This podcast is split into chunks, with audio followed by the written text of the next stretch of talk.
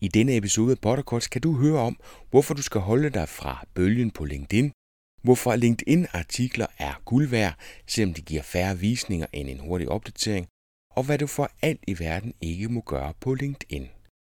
Emnet er social selling, og eksperten er Leif Carlsen.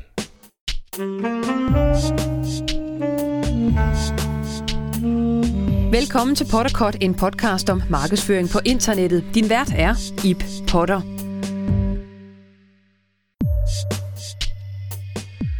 Ralf Carlsen er en passioneret social selling og LinkedIn-ekspert.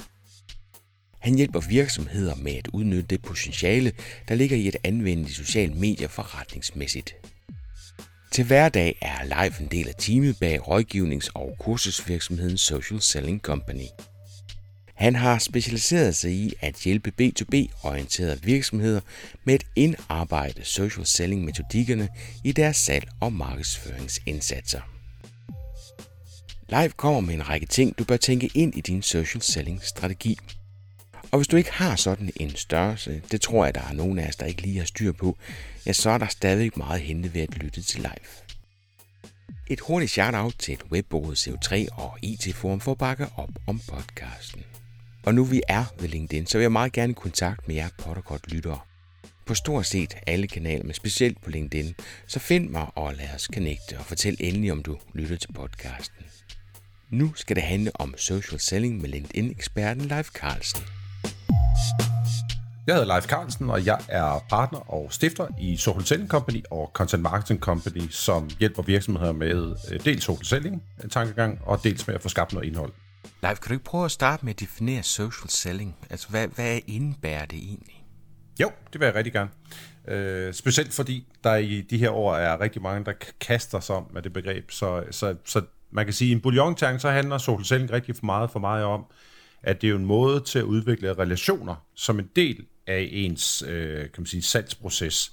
Der er rigtig mange, der har en tendens til at sige, at social selling det altid er lige med LinkedIn. Det er det ikke i min verden. Det er faktisk øh, LinkedIn og Facebook og Twitter og Instagram. Det er sådan set bare øh, kanaler og værktøjer.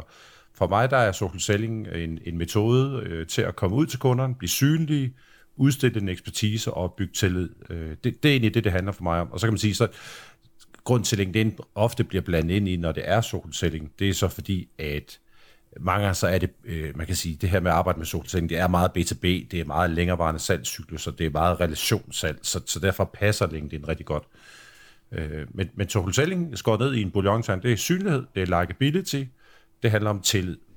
Synlighed, likability og så tillid. Ja. Når man skal have sådan en social selling strategi, hvad, hvad, hvad indebærer det? Jamen det handler jo rigtig meget om, ligesom, altså man kan, om vi, om vi kalder det en social selling strategi eller en social media strategi, det handler måske lidt mere om, hvad det er for nogle kanaler, vi er på, men, men man kan sige, det vigtigste, det handler jo om at få skabt noget retning på, hvad man gerne vil, hvad er de strategiske målsætninger, man har ud af det, hvad, hvad vil vi gerne flytte hos vores kunder, Altså, vi skal jo ikke, vi skal jo ikke begynde at lave en total strategi for at gøre det samme, som vi gjorde i går. Vi skal jo gøre det, fordi vi ønsker at komme tættere på kunderne. Nu, nu, nu er bare nogle eksempler. Komme tættere på kunderne, få udstillet noget, noget bestemt fagområde. Har vi købt et nyt virksomhed op, som, hvor vi har brug for at få, for vise kunderne, at nu kan vi også de her ting. Øh, er der nogle ting, hvor vi har svært ved at komme tilbage i den indledende del af købsprocessen, fordi kunderne, de, de finder os ikke rigtigt, de hører ikke rigtigt om os. Og det er jo den sammenhæng, at den her social selling strategi, den skal være med til at simpelthen at, at, at få noget konkret retning, noget overblik på, hvad er det, vi gerne vil flytte hos kunderne? Hvor skal vi være om et år eller to fra nu. Øh, det kan være i kendskabsgrad, det kan være i forhold til markedsposition, det kan være i forhold til, det kan selvfølgelig også være i forhold til, at vi, vi ønsker at blive større, altså vækst, hvis det er det. Men, men det handler simpelthen om mest af alt at få den retning på, hvor vil vi gerne hen gennem vores solcelling-indsatser. Når du er ude og hjælpe virksomheder med det her og skal have synliggjort nogle ting, er det så på virksomhedens LinkedIn-side, eller er det de personlige profiler, som er tilknyttet virksomheden? Hvad er det, du ser, der virker bedst?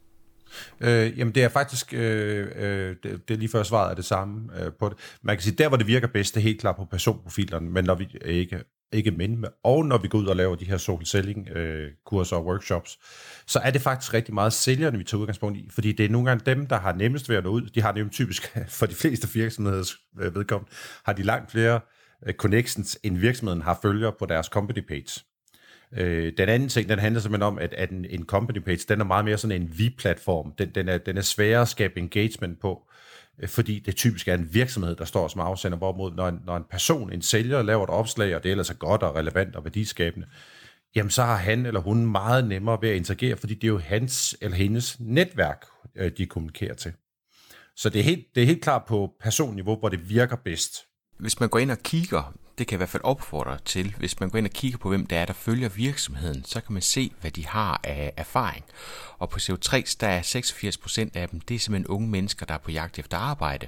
Mm. Så man kan sige, hvis vi bruger den til at skabe øh, værdifulde relationer til virksomheder, og det så er 86 procent unge, som er ude efter arbejde, så giver det ikke helt mening. Hvor hvis man Nej. går ind og kigger på os som personer, det netværk, vi har, det er typisk folk, som vi er forbundet med netop i arbejdsrelationer, og dermed så er det en helt anden målgruppe. Så det er ikke kun antallet, det er også den type, man er connected med. Ikke?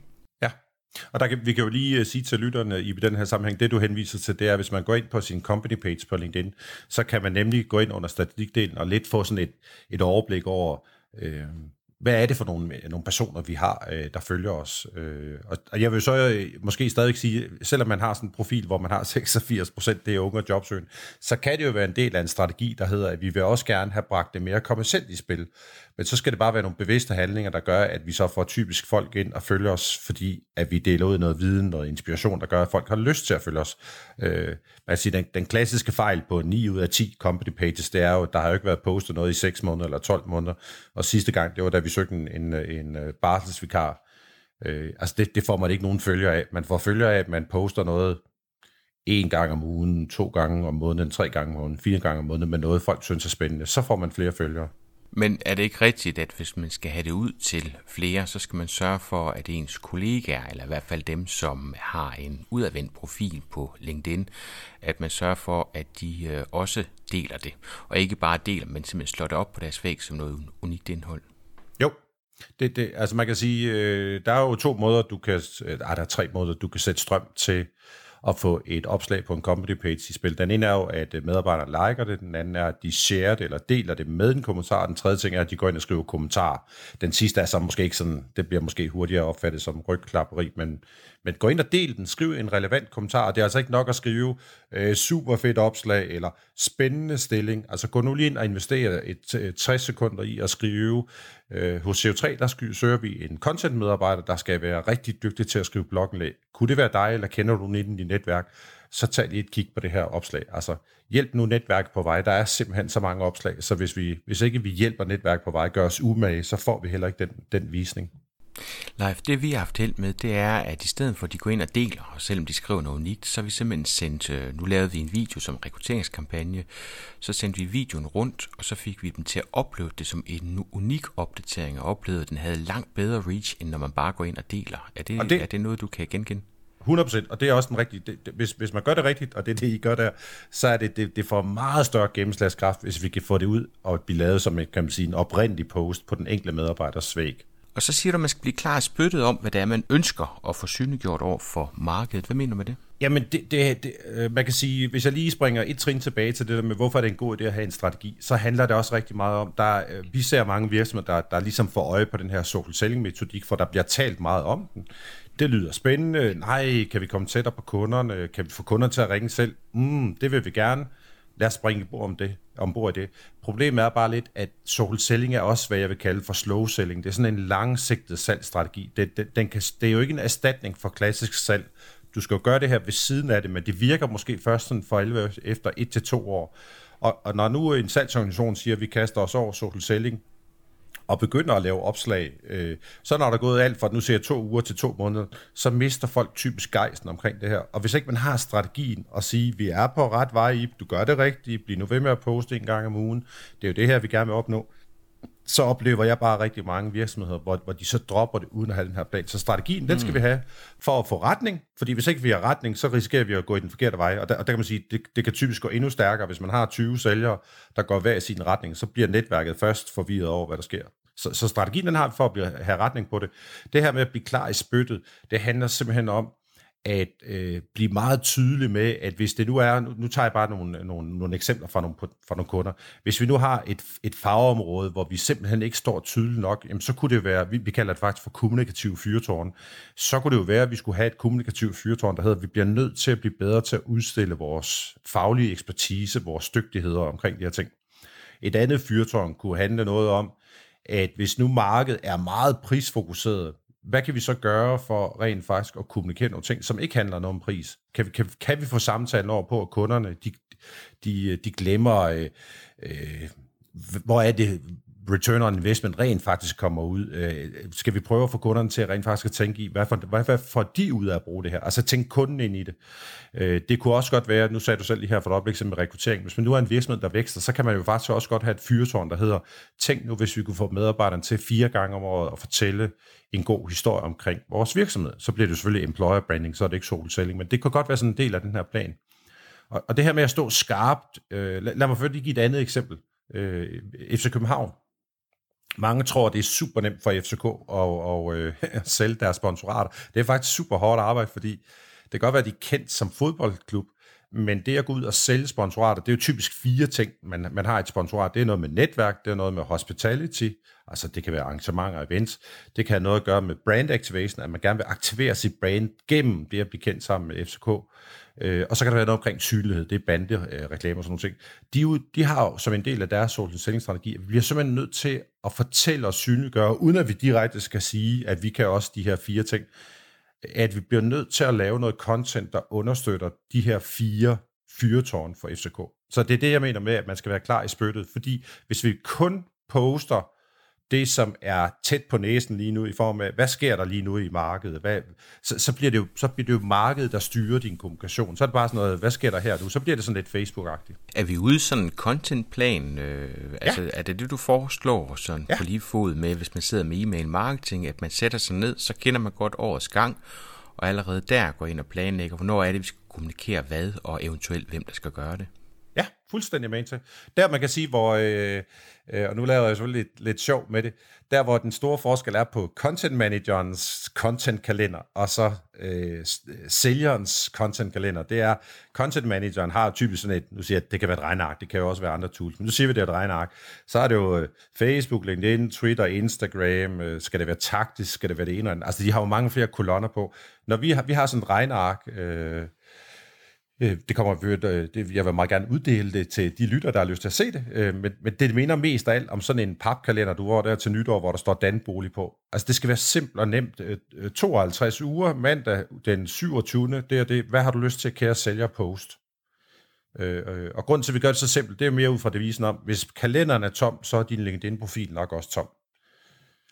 Øh, den, anden, den, den anden fordel faktisk ved at gøre det så, så kan vi sige relativt simpelt, det handler faktisk om, at nu siger vi, at sælger Ip, han poster i dag, så skal, så skal Ip faktisk med det samme huske at sige, hvornår kan jeg poste det her igen, eller kan jeg poste det igen?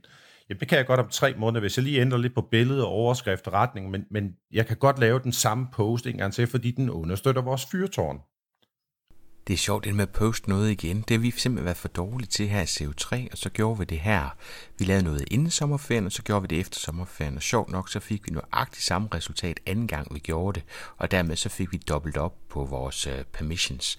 Så det der med at, at synes, at fordi man har kommunikeret noget en gang, man kan sagtens kommunikere det igen. Og som du siger, går man ind og laver lidt om på det, ja. uh, eventuelt en helt ny vinkel, uh, så er det jo stadigvæk rigtig, rigtig godt at kunne genbruge det indhold, ikke? Og lad, lad mig lige øh, i den sammenhæng øh, supplere med det her med, med at grunden til, at det er vigtigt, at vi tænker i de her baner også, der. øh, den helt lavpraktiske handler simpelthen også om, at, at hvis du siger til en sælger nu om dagen, du skal først lave 50-100 opslag om året, og det skal alt sammen være nyt, jamen så, øh, så øh, brækker vedkommende sammen og siger, det kan jeg simpelthen ikke live. Hvis vi derimod siger til den, du skal helst lave 50 opslag om året, fordi det er hvad der svarer cirka til et om ugen. Men du må godt tage 10-15 af den, at gøre til noget, du gentager. Det eneste, vi lige skal gøre, det er øh, øh, lidt ligesom noget daggammelt brød. Hvis jeg hælder et vand på det og putter det i ovnen med 120 grader i 10 minutter, så smager det sjovt nok frisk igen. Sådan kan vi også godt gøre med content. Så det var den ene ting, der er rent lavpraktisk. Den anden ting, hvis vi nu går tilbage til de der fyretårne, nu bruger jeg bare lige eksemplet for os selv det her med, hvad er social selling? Nu, nu har jeg jo svaret på det her. Det, skal vi, det, det er en helt fast del af vores content, at mindst seks gange om året, så skal vi fortælle, hvad er social selling, for der er stadig rigtig mange, der ikke ved det. Så selvom du ved det, jeg ved det, og en masse af dem, der, der er, sådan, er tæt på det, de ved godt, hvad det er, så er der jo stadig et kæmpe marked, som ikke aner, hvad social selling er. Og, og der, der, er det jo helt, der er det helt klassisk content marketing. Vi skal ud, uddanne markedet i at forstå, hvad er social selling, og der kan vi lige så godt være afsender af det budskab 4-6 gange om året. Og det skal sælgeren også gøre. Leif, hvem er bedst til at lave opdateringer på, øh, på LinkedIn? Er det øh, salgsfolket, eller er det marketingfolket? Jamen, øh, de, de er jo egentlig kendetegnet ved hver især at, at kunne noget specielt. Øh, der, hvor de skal mødes, det er jo et eller andet sted bag. Hvordan får vi sat strøm til det her? Altså, fagligt set er der ingen tvivl om, at det er content-medarbejderen, content marketing personen, content øh, manageren, øh, der, der umiddelbart teknisk set er bedst til at skrive.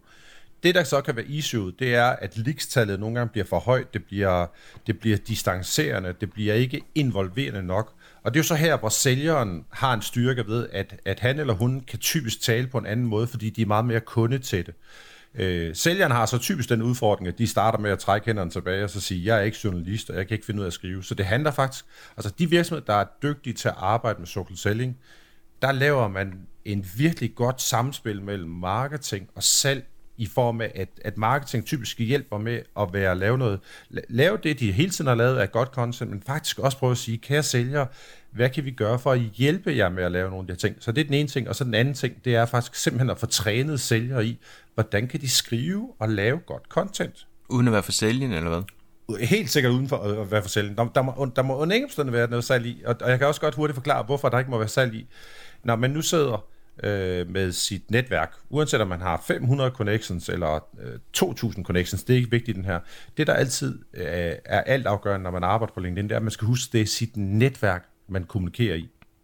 Det er ikke en, call, det er ikke en målgruppe, det er ikke sådan en anonym målgruppe, det er ikke et segment, det er dit netværk. Hvis du nu har, nu, jeg kan ikke huske, hvor mange connections du har, nu siger jeg bare, hvis du havde 800 connections, så er det ikke 800 kunder, øh, uanset hvad for tal du har. Det er jo ikke kunder alle sammen, det er jo gamle kunder, det kan være samarbejdspartnere, det kan være øh, kollegaer, gamle kollegaer, headhunter, alt muligt ting, men det er dit netværk. Og, og ligesom det, vi i hvert fald godt kan lide at, at, at, at tale om, når vi skal tale om social selling, det er, prøv nu at forestille dig, at du var til et netværksmøde her til morgen i Holstebro Erhvervsnetværk.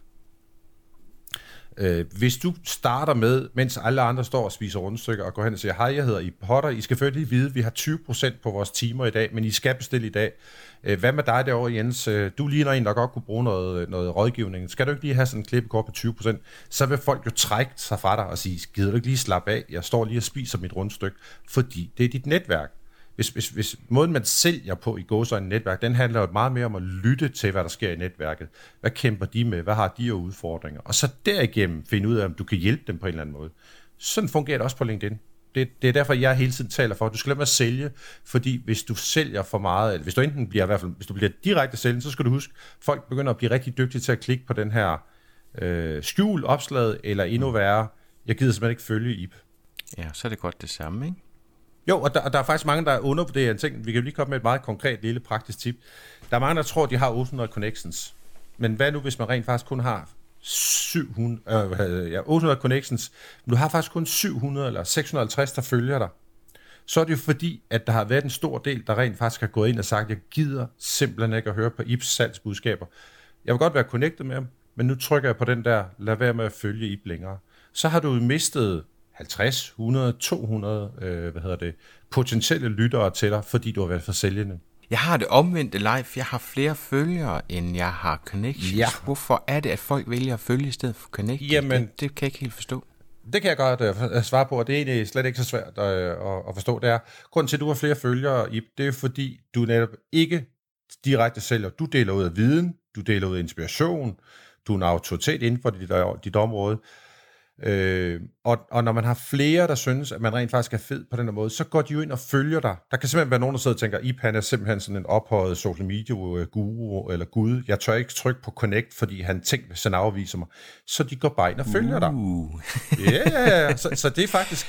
hvis, hvis man har flere følgere, end man har forbindelse, så er det et positivt tegn. Så plejer jeg at sige, så er det fordi, du inspirerer og deler viden og rent faktisk hjælper andre. Hvis du har flere følgere, end du har connections, så er det fordi, du støjer. Ja, det er en god målstok. Jeg gør så det, at når jeg ser nogen, der følger mig, så, så spørger mig, om de ikke vil connecte, fordi jeg synes, det er sådan lidt, øh, altså, det, det skulle helst være sådan noget tovejs noget. Det virker sådan ja. lidt olden, de bare følger en. Og det er egentlig også et godt trick, lige, øh, fordi man kan sige, det er jo bedre, at du får dem ind, og at du er connected med dem, for så kan I faktisk skrive sammen. Hvis man bare følger en person, så kan du ikke sende beskeder. Øh, du, du, hvis man følger en person, så ser jeg, hvad du, hvad du laver i opslag, men jeg kan ikke skrive til dig. Derfor er det en rigtig god idé med det der lille ninja-trick, som du kommer med. Gå nu ind og connect med dem, når de alligevel gerne vil følge dig. Så skriver hej øh, Jens, jeg kan se, du følger mig. Skulle vi ikke tage at blive connected, så vi også kan skrive beskeder til hinanden? Det håber du vil connect med venlig hilsen Ip. Så får vi jo en, en ny connections. Men det, men det, er, det, det er positivt, at du har flere følgere, end du har Ja, det er jeg glad for. Det er ja. godt tegn. Leif, øh, så snakker du om, at man skal vide, hvilke indsatser man skal gennemføre for at nå i mål med de strategiske målsætninger, man har sat sig. Ja, og det er jo fordi, nu, nu tager vi bare sådan lidt helt øh, det der med strategi, taktik, eksekvering, så er det fordi, hvis jeg har sagt, at jeg ønsker inden for de næste 12-24 måneder at have den og den position, jeg ønsker at tale om de her emner og overskrifter, jeg ønsker at flytte min målgruppes opfattelse af mig og min virksomhed, hvad skal jeg så lave af indsatser? Og der, og der mener jeg simpelthen helt konkret for det første, hvilke kanaler skal jeg være på? Øh, hvilke blog, eller undskyld, content-typer skal jeg rent faktisk bruge for at ramme de her forskellige målgrupper? Og, og der bliver man også nødt til igen sammenhæng, det her, hvor marketing og salg kan spille meget tæt sammen, det er, hvis man nu forestiller sådan, sådan en stor udvidet salgstrakt, så er der jo forskel på, om jeg skal prøve at skabe en interesse for dig, eller inspirere eller du er nede i bunden af salgstrakten, og meget konkret. Hvis jeg er nede i bunden, så har jeg tid til at se 10 minutter lange videoer og læse blogindlæg og white papers. Hvis jeg bare er i inspirationsfasen, så skal jeg have sådan nogle små lette øh, hvad det, appetizers, der til at spise.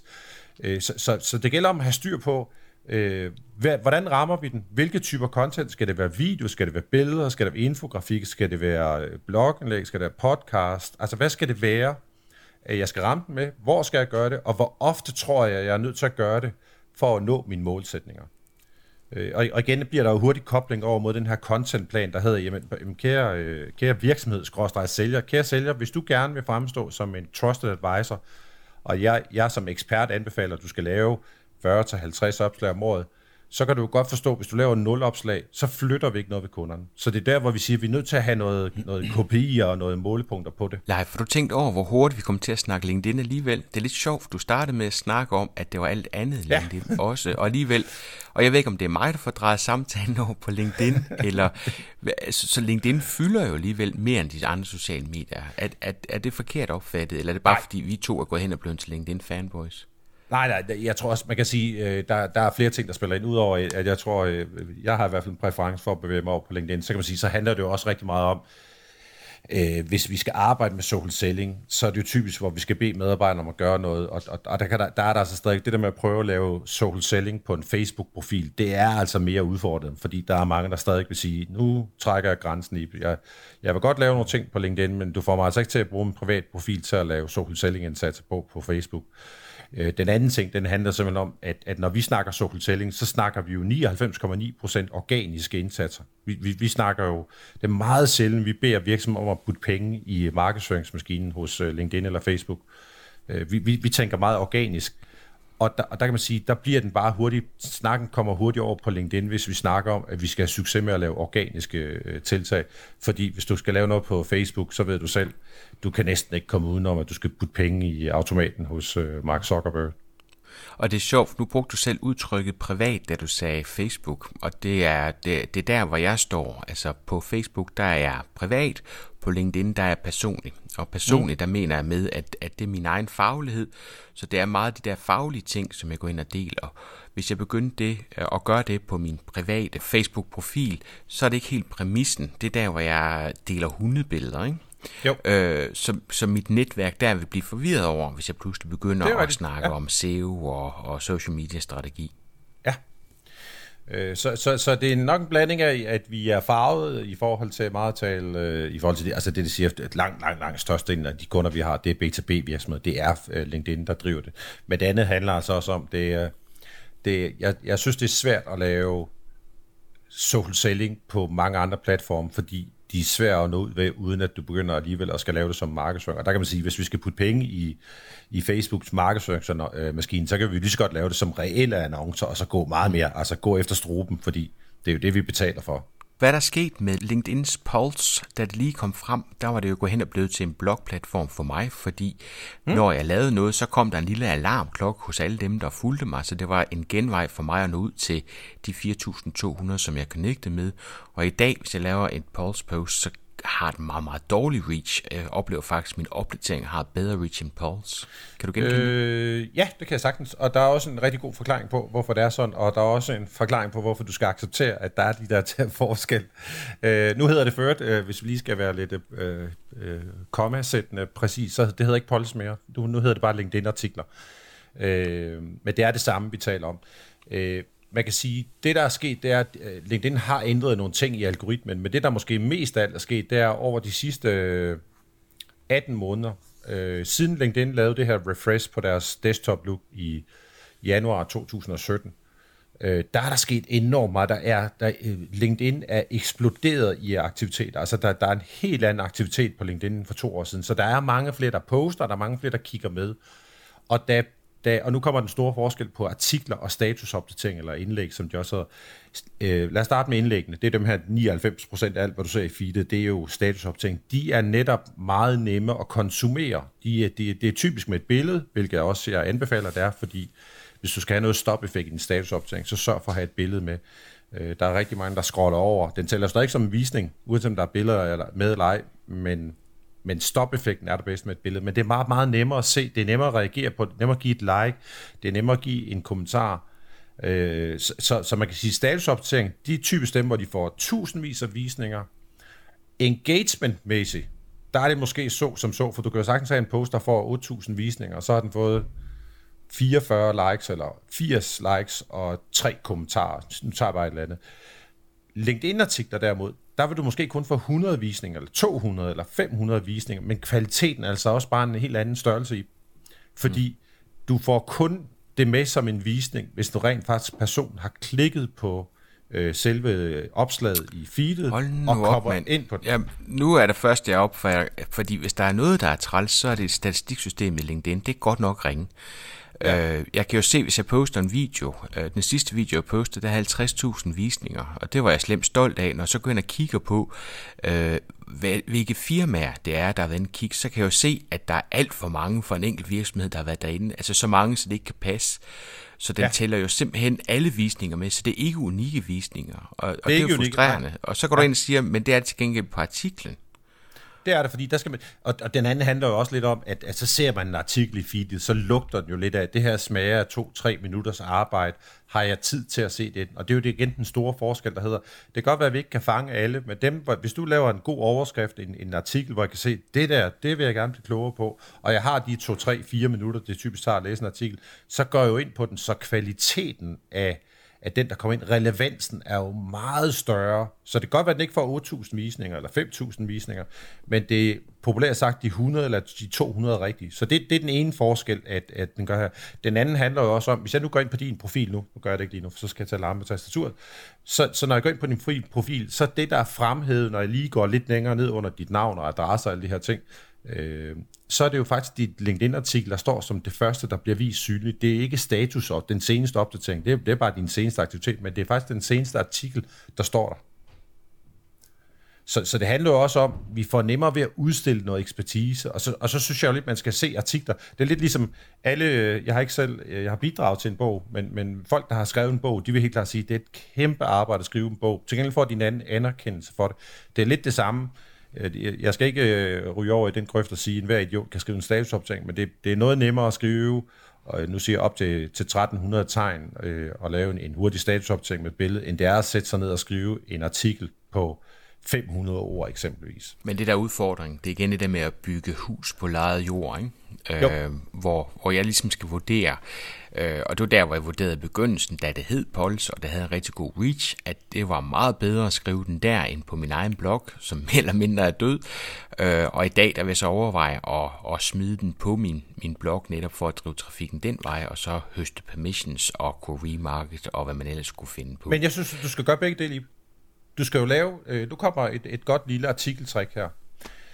Når vi er på LinkedIn, så har vi ikke båndbredt til at læse meget langt. Så er det typisk 2, 3, 4 minutter, der er vores maks båndbredde, hvis vi endelig kommer over på en artikel. Vi anbefaler altid, at, at når du nu sidder og laver den gode artikel, så start med at lave artiklen på, nu ser jeg 1000, 1500, 2000 ord. Du ved det gode, gammeldags, lange, solide blogindlæg. Det laver du til, dit, til dit website så laver du den 500-600 ords udgave af det. Og der er det altså meget nemmere at koge ned fra 1000 eller 1500 ord, end det er at gå den anden vej. Så lav en LinkedIn-artikel udgave af den, hvor du egentlig får essensen i den, men så nede i bunden, der kan du skrive, det her, det er ført et ekstrakt af en fuld artikel omkring de her de ting. Hvis du har lyst til at læse mere, så gå på ipotter.dk og så den her adresse. Brug begge dele, og grund til, at du skal selvfølgelig ikke bare have den sammenliggende, det er jo på grund af duplicate content. Øh, men men så, så kan du faktisk høste begge dele. Det er, at du får bygget noget SEO op på dit website, men du får altså også noget credibility på LinkedIn. Og du får lavet noget SEO på din uh, LinkedIn-artikel. De ranker faktisk rimelig godt i Google ja. også. Så hvis man hvis sørger for, at det ikke minder for meget med hinanden. Hvis det er mere end 300 ja. ord, er det ja. Øh, kriteriet? Ja. ja, der er rigtig mange, der desværre har hørt det der med øh, på den forkerte måde. Jamen, jeg har hørt, at LinkedIn-artikler bliver googlet, det bliver status, øh, indekseret, det bliver statusopdatering, ikke? Nej, men du skal så ikke bare lave sådan en 10-års statusopdatering som en artikel. Altså, det skal være et reelt ekspertindlæg. Ja, der plejer vi at sige plus 300 ord op til 5, 6, 700 ord. Så, så, så er det rigtig godt. Cool, det skal prøves af. Og du kan rent faktisk, du, du, kan, du kan lige prøve en ting, når du sidder og har tid til at google. Hvis du prøver at google LinkedIn Premium, vi, vi sælger jo ikke LinkedIn øh, på den ene eller anden måde. Vi hjælper med at undervise det, men, men der er rigtig mange, der spørger, hvad er det her LinkedIn Premium? Og hvis du googler LinkedIn Premium, så vil jeg øh, være rigtig ked af, hvis ikke vi kommer frem. Vi, vi skal helt klart komme på side 1. Vi kommer sandsynligt som nummer 1 i de fleste søgninger. Men lidt længere nede, der finder du faktisk en LinkedIn-artikel udgave den, for den ranker også rigtig godt. Så hapser jeg jo to pladser på den så måde. du har to derinde. Ja. Det skal prøves af live, det er rigtig ja. godt. Hvor ser du folk går galt i byen, når de arbejder med social selling? Øh, jeg ser typisk to klassikere. Den ene er, at øh, det hedder social selling, så ergo skal jeg sælge. Det er simpelthen, når de begynder at lave salg på LinkedIn. Øh, altså det kan være, at øh, øh, den, den milde grad af salg, det er, at man fortæller, at nu har vi først lige fået den her nye 17-tommer skærm, eller 700 tommer skærm, og den er rigtig lækker, den koster kun 29,95, så hvis du vil vide, hvordan det kan løse dine problemer, du kommer hjem, så kan du bare ringe til Leif Carlsen på telefonnummer, det og det. Det er sådan en, en mildere grad af den. Den anden, den handler om dem, der nærmest lægger produkttider ud, eller øh, linker meget hårdt til at fortælle, nu har vi det her produkt, du kan bare købe det her, eller Altså, hvor det bliver meget salg, salg, salg. Og det er jo der tilbage til den der, hvor jeg siger, prøv at tænk på netværksmøde. Hvis, hvis du møder op i dit netværk og er aggressiv med, hey, jeg har ført 20% rabat den her uge, så, så bakker dit netværk. Så det er den typiske fælde nummer et, det der med, at man begynder at lave salg. Du skal ikke sælge til dit netværk. Du skal træne dit netværk i at forstå, hvad du er god til, så de kan anbefale dig til andre. Og når de så rent faktisk har et konkret behov og er nede i salgstrakten, så skal de huske dig. Det er sådan, man skal tænke på det. Der er rigtig mange, der bliver valgt fra på det der netværk og, og ryger den der med, nu gider jeg ikke være connected med Iben mere, eller jeg gider ikke se han mere, fordi folk bliver sælgende. Så lad være med at selv være inspirerende og dele ud af viden. Den anden fælde, jeg mange gange ser, det er dem, der starter med social selling, og enten ikke har ret mange connections, eller dem, som bliver sådan lidt marketeerorienteret og har hørt, det er rigtig godt at have en kæmpe liste. Det er dem, der hopper på det, der hedder bølgen på LinkedIn. øh, fordi nu skal jeg bare have hundredvis eller tusindvis. Og, og der vil jeg bare sige, det er øh, næsten den direkte vej ned i helvede, når det gælder social selling, fordi man, man, man ender jo bare med at få masser af 100 eller tusindvis af nye, irrelevante øh, connections. Vi kan måske lige starte med at fortælle, hvad bølgen er, hvis der er nogen, der ikke ved det. Bølgen, det er sådan et fænomen, der findes på LinkedIn. Øh, vi skal jo ikke mere end øh, halvanden, to år tilbage, der kan de fleste nok godt huske, at når vi skulle connect med nogen, så skulle vi skrive en årsag til, hvorfor vi skulle connect. Kan du huske det? At vi venner yes. af de gamle kolleger. Yes. Ja. Øh, det fjernede de jo der i januar-februar måned 2017, da de kom med den her kæmpe opdatering. Nu kan man bare trykke ligesom på Facebook, trykke på Connect. Øh, det er der så nogen, der har lavet sådan en, en version af, der hedder, at normalt så skal der være en god grund til, hvorfor vi connecter.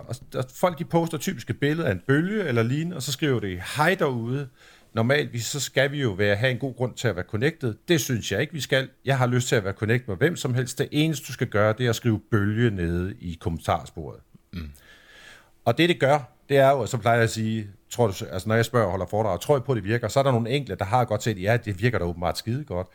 Øh, men de fleste tror faktisk ikke på, at det virker særlig godt, men det er fordi, de ikke forstår algoritmen. Fordi det, der sker, det er jo selvfølgelig, at så er der 10, der i løbet af meget kort skriv, skriver, god idé, bølge, og de her opslag, de får typisk 100 eller tusindvis af kommentarer. Den, den sidste, jeg hørte om, det var bare sådan en lille bølge.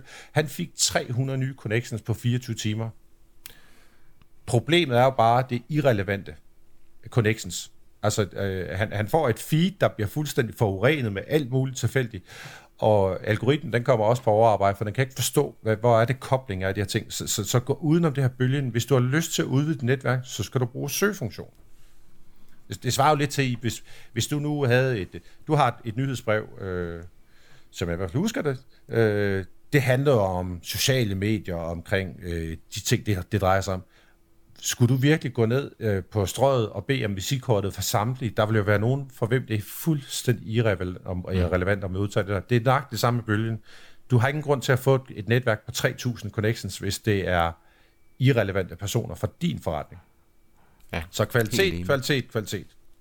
Cool. Hmm? er rigtig godt live. Lad os slutte af med et, øh, et tool eller et eller andet, som kan gøre os endnu klogere på social selling. Hvad, hvad kunne det være? Øh, jamen, jeg vil jo selvfølgelig helst fremhæve min egen podcast. Det må du meget gerne. øh, men jeg skal nok komme med et andet tool eller en idé også. Øh, vi har jo Social Selling Radio, som er, er den her podcast, hvor der er over 70 episoder omkring social selling i, sådan, i hele øh, træskolængder. Men der er i hvert fald masser af gratis inspiration der. Øh, men hvis jeg rent faktisk skulle komme med et ikke øh, Social Selling Company øh, tips, så vil jeg, og, og man gerne vil prøve at tænke i, hvordan kan vi begynde at arbejde med social selling, så vil jeg faktisk nævne, øh, hvad hedder det, øh, The Golden Circle og den her Why-model fra Simon Sinek, øh, som jo ikke handler om sociale medier, den handler om, kan man sige, en kommunikationstankegang, et mindset omkring de ting, fordi hvis man forstår hele Simons tankegang omkring The Golden Circle, så handler det mere om, hvorfor vi gør det, vi gør, og ikke hvad vi sælger, og hvorfor vi sælger det. Og, og jo mere man faktisk tænker den her why-tankegang ind i sin kommunikation på LinkedIn, desto mere rammer man faktisk ind i social selling-tankegangen. Øh, så, så dem, der ikke har, øh, har hørt om Simon Sinek, gå ind og google ham, gå på YouTube, søg efter Simon Sinek. Øh, det synes jeg er et rigtig godt sted at starte. Man kan også bruge det i det hele taget. Det er jo ikke kun social selling, man kan bruge det i kommunikationsmæssig sammenhæng øh, på sit website, i sin, når man er ude hos kunderne. Så, så det er i hvert fald en, en klar anbefaling. Gå ind og brug uh, The Golden Circle-modellen. Den, den har hjulpet os rigtig meget i vores uh, opbygning af vores forretning. Er, er det en bog? Er det en podcast? Nu sagde du YouTube. Er det en video? Øh, jamen, det, man kan sige, det han er mest kendt for, det er sådan en video, der har været en TED-talk-video, der har været vist 20 millioner gange. Øh, øh, så, så man kan jo starte med gratisudgaven, der hedder øh, videoen. Øh, så findes der også en bog, han har lavet, der hedder øh, Start with Why. Øh, den findes også på dansk, og der er faktisk også her for ikke super lang tid siden kommet øh, en bog, der hedder noget med Find dit Why. Så du kan sige, det er både, der er både bøger, og der er lyd, man kan også købe den som lydbog, hvis man heller vil det. Øh, men man kan jo starte gratis på YouTube ved at søge efter øh, Simon Sinek, se den der 18-19 minutters video, så er man i hvert fald godt kørende til forhåbentlig at blive mere nysgerrig på, hvordan man kan arbejde med det i sin kommunikation, også på LinkedIn. Ene gode sager. Overvej at lave et sammenkog til en LinkedIn-artikel, næste gang du laver godt content til dit website, og overvej eventuelt om det skulle være en kollega, der skal udgive den på sin LinkedIn-profil, hvis han eller hendes netværk er stærkere eller bare er anderledes end det netværk, du har. Og måske skal vi tænke en contentplan, som også indeholder opdateringer spredt ud på nøglepersoner i virksomheden. Vi høres ved. podcast.